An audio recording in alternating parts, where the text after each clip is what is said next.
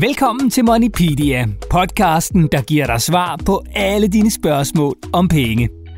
Jeg hedder Morten, og jeg har en direkte livline til nogle af de allerklogeste eksperter, der kan svare på selv de mest spidsfindige spørgsmål om penge.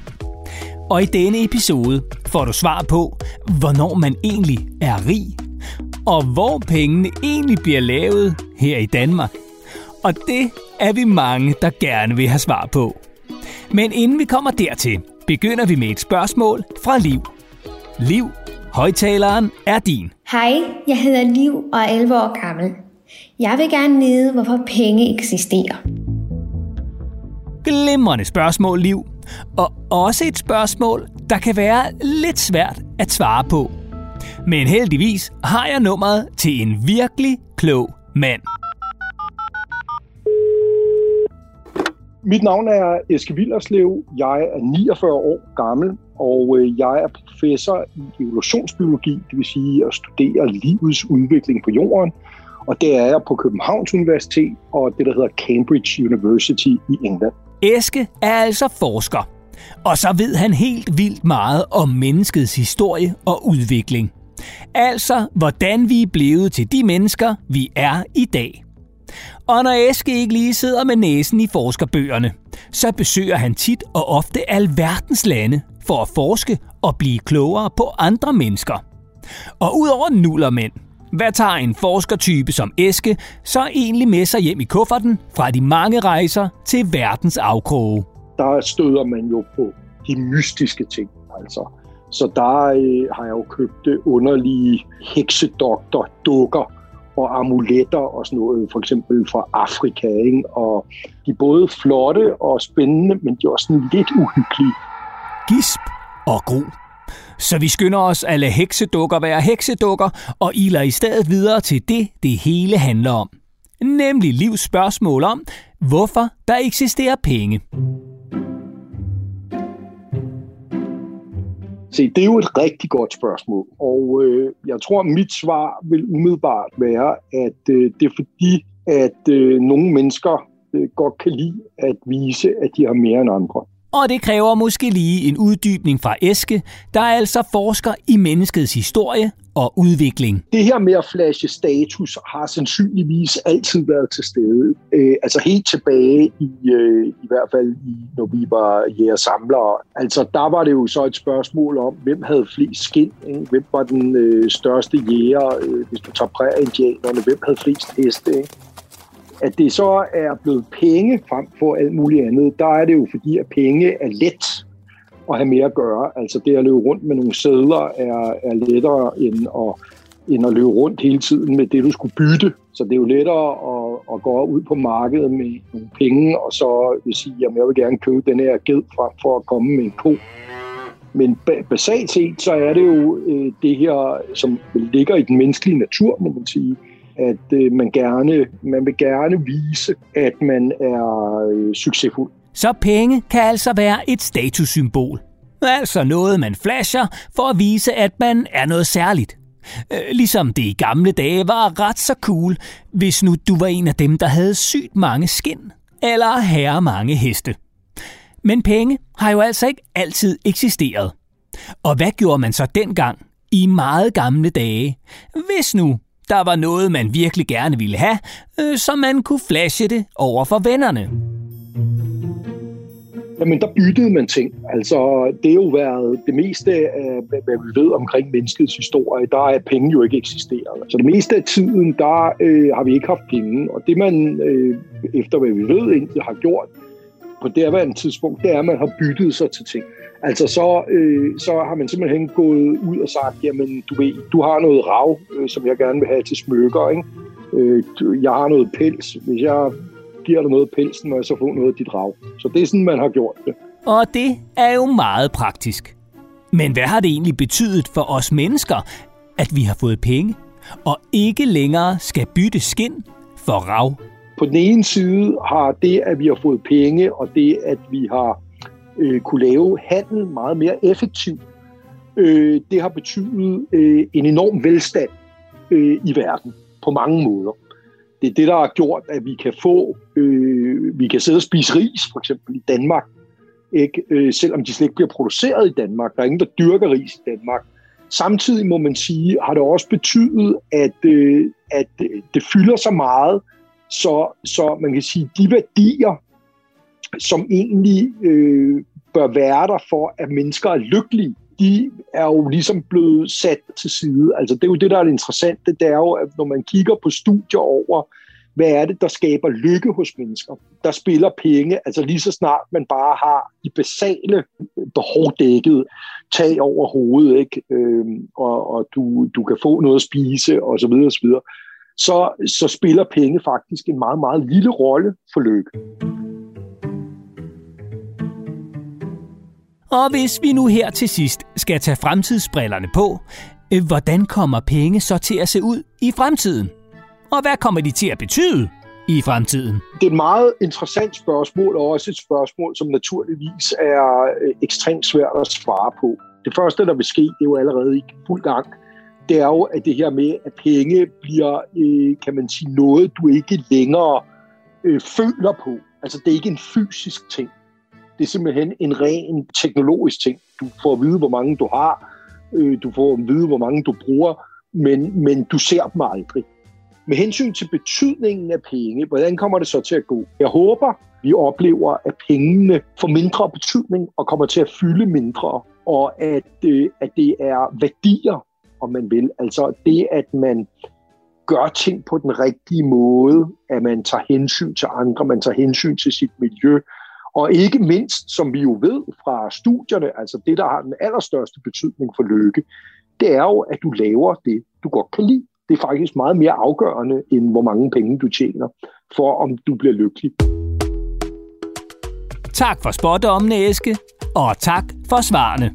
Det var første spørgsmål. Og vi hopper flux videre til det næste, der kommer fra Katrine. Hej, og jeg hedder Katrine. Jeg er 11 år gammel, og mit spørgsmål er, hvor hen i Danmark bliver pengene lavet? Se, det er virkelig spændende. Og jeg ved lige, hvem der kan svare på dit spørgsmål, Katrine. Jeg hedder Lars Mikkelsen, og jeg er 56 år gammel, og jeg arbejder i Nationalbanken. Så Lars arbejder altså i Nationalbanken. Danmarks chefbank, om man vil. Og i øvrigt også banken for alle de andre banker. Så er der nogen, der ved noget om penge. Og også, hvor vores penge bliver trygt. Ja, så er det altså Lars. Men inden vi når dertil, hvad drømmer en bankmand, der hver dag er omgivet af ikke bare millioner, men milliarder?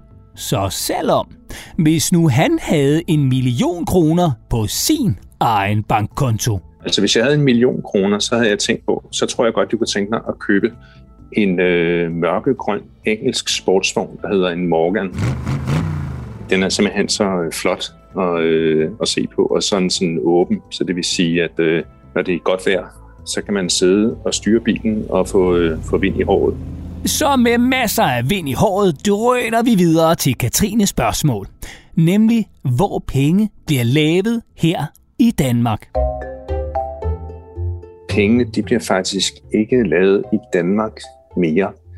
Pengesedlerne de bliver lavet på en fabrik i Frankrig, og mønterne de bliver lavet på en fabrik i Finland. Og sådan har det faktisk været i de sidste fem år. Nå for den da. Så de danske sædler og mønter bliver altså slet ikke lavet i Danmark mere, men i stedet i udlandet. Men det er altså ikke særlig lang tid siden, at de rent faktisk blev lavet herhjemme. Øh, og hvordan foregik det så? Pengesedlerne de blev lavet på nogle store maskiner, hvor man i den ene ende af maskinen satte sådan en stor rulle blank papir, som godt kunne ligne lidt sådan en kæmpestor øh, køkkenrulle. Og den her meget store rulle, den kørte så igennem en maskine, samtidig med, at der kom et tryk på papiret. Og så i den anden ende af maskinen, der kom øh, de færdige pengesedler ud, og så kunne det for eksempel være, at man en dag trykte 1000 kroner sedler, så det vil sige, at så kom der øh, 1000 kroner sedler ud på denne her store, store rulle. Så altså hele ruller med pengesedler. Forestil dig lige, hvor meget fredagslik du kunne købe, hvis du smed en hel rulle med 1000 kronesedler på disken nede i supermarkedet. Det ville blive en lang fredag. Nå, men selvom Lars er klog og ved stort set alt om penge, så er der alligevel noget, han ikke helt ved. Nemlig hvor mange penge, der hvert år bliver trygt. Jamen, det er svært at sige sådan helt nøjagtigt, for mange sædler og mønter, der bliver lavet om året, fordi det afhænger af, hvor mange mennesker, der har brug for pengesedler og mønter. Men hvis nu for eksempel der er mange mennesker i Danmark, som får mere i løn, så kan det være, at de kunne tænke sig at købe nogle flere ting for, øh, for deres penge, og så får de måske brug for nogle flere pengesedler og mønter, som de så kan bruge til at betale for nogle varer, som de godt kunne tænke sig. Så hvis dine forældre får lønforhøjelse, altså får flere penge i løn for at gå på arbejde, og en masse andre voksne også pludselig får mere i løn, ja, så kan det altså betyde, at der bliver trykt flere penge. Simpelthen fordi der er brug for flere mønter og sedler. Ret smart. Og med alle de penge, der bliver trykt, ja, så er det selvfølgelig også vigtigt at have styr på dem alle sammen, og sikre, at ingen af dem kan kopieres. For det må man nemlig ikke. Det, der er på sædlerne, som gør det svært at efterligne den, det er for eksempel det, der hedder et vandmærke. Så hvis nu man tager en 100 kroner seddel og holder den op imod lyset, så kan man på forsiden sådan til venstre ane øh, billedet af et vikingeskib set forfra. Og ud over de små hemmelige tegn på sædlerne, så er det papir, sædlerne er lavet af, også helt særligt og en sikkerhed i sig selv. Pengesedler de er lavet af noget, der hedder bomuldspapir, i modsætning til sådan noget almindeligt kopipapir. Og det er også sådan et, et sikkerhedselement, at de bliver lavet af bomuldspapir.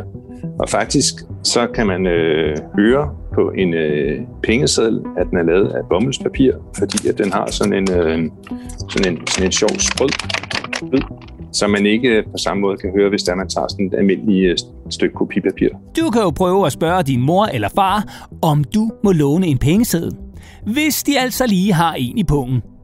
Og så kan du se, om du kan høre forskel på en pengeseddel og et stykke almindeligt papir. Tak for spørgsmålet, Katrine. Og tak for svaret, Lars.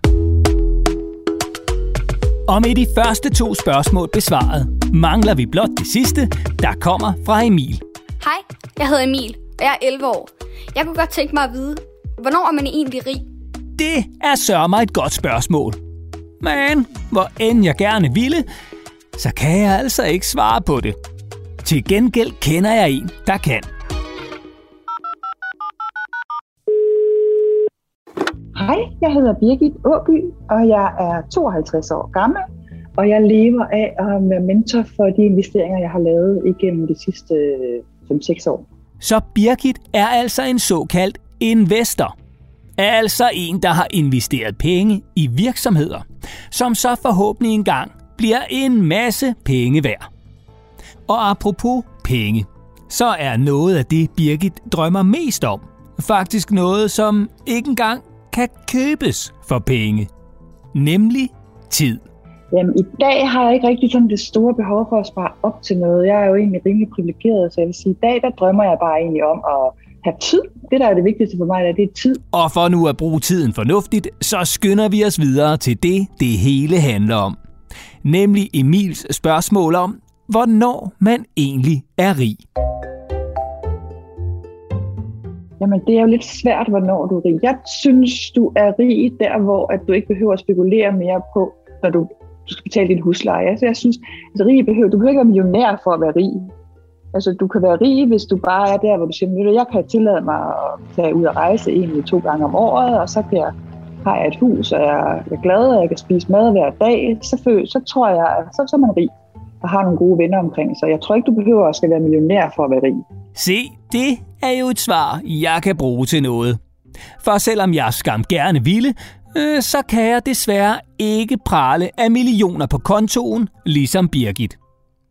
Men hvordan må det egentlig føles at have en hel million stående på sin konto? Jeg ved det altså ikke. Men det gør Birgit. Da jeg havde min første million inde på min konto, hvor jeg havde sådan, oh, nu står der en hel million kroner inde på min konto. Der følte jeg mig rig. Der synes jeg var mange, mange, mange penge dengang, altså at have en million på sin konto. Så øh, det var sådan vendepunktet for mig. Og skål på det. Men hvis man så ikke behøver at være millionær for at kunne kalde sig rig. Kan man så omvendt også blive for rig? Jeg tror faktisk godt, man kan blive for rig. Der er jo, synes jeg, jeg har oplevet nogle mennesker, der får så mange penge, at de bliver lidt ligeglade med de små ting i hverdagen. Øh, hvor man det hele det skal være så ekstraordinært, for at man kan blive glad. Jeg tror, det er vigtigt, at selvom man har mange penge, så bliver det vigtigt, fordi i dag du skinner solen, eller øh, hvis jeg har været ude at købe et eller andet, øh, en, en god bøf, eller et eller andet, så tænker jeg, bare det ting, jeg er så taknemmelig, at jeg kan få lov at købe den her bøf. Altså, jeg tror man godt, man kan blive så rig, at man mister glæden ved det. Så mange penge er altså ikke nødvendigvis lige med endnu mere lykke. Men hvis du nu alligevel drømmer om engang at tjene en hel del flere penge, end du måske gør nu, hvor du måske får en tier for at støvsuge, pusse vinduer og tømme opvaskeren, ja, hvad er så Birgits allerbedste råd? Det vigtigste, hvis man drømmer om at blive rig som barn, det er, at man skal gøre noget, man er glad for. Man skal gøre noget, som man gør en glad. Så tror jeg ikke, man skal være så fokuseret på at blive rig. Så når du gør noget, du er glad for, og du synes, det er sjovt, så skal du nok blive rig så kommer det til dig. Jeg tror, hvis du får fokuseret på pengene, så går det mange gange galt, fordi så mister man lidt overblikket. Så det vigtigste, jeg kan sige, det er for det første, lad være med at bruge nogle penge, I ikke har. Behandle alle mennesker, som I gerne selv vil behandles. Og så lad være med at gå så meget efter pengene. Gå efter at gøre noget, I synes, der er sjovt, og noget, der gør jeres hverdag glad, så skal I nok blive rige. Tak for rådet, Birgit, og tak for svaret. Og på den måde fik vi besvaret alle tre spørgsmål i denne episode af Moneypedia.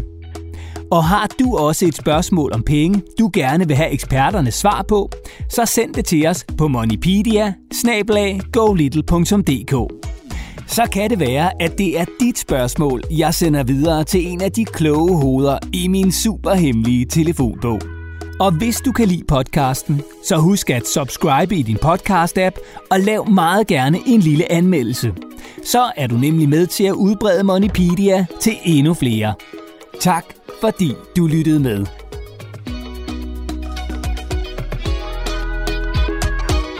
Podcasten er produceret af Go Little for Pengeskyen, Danske Banks familieunivers.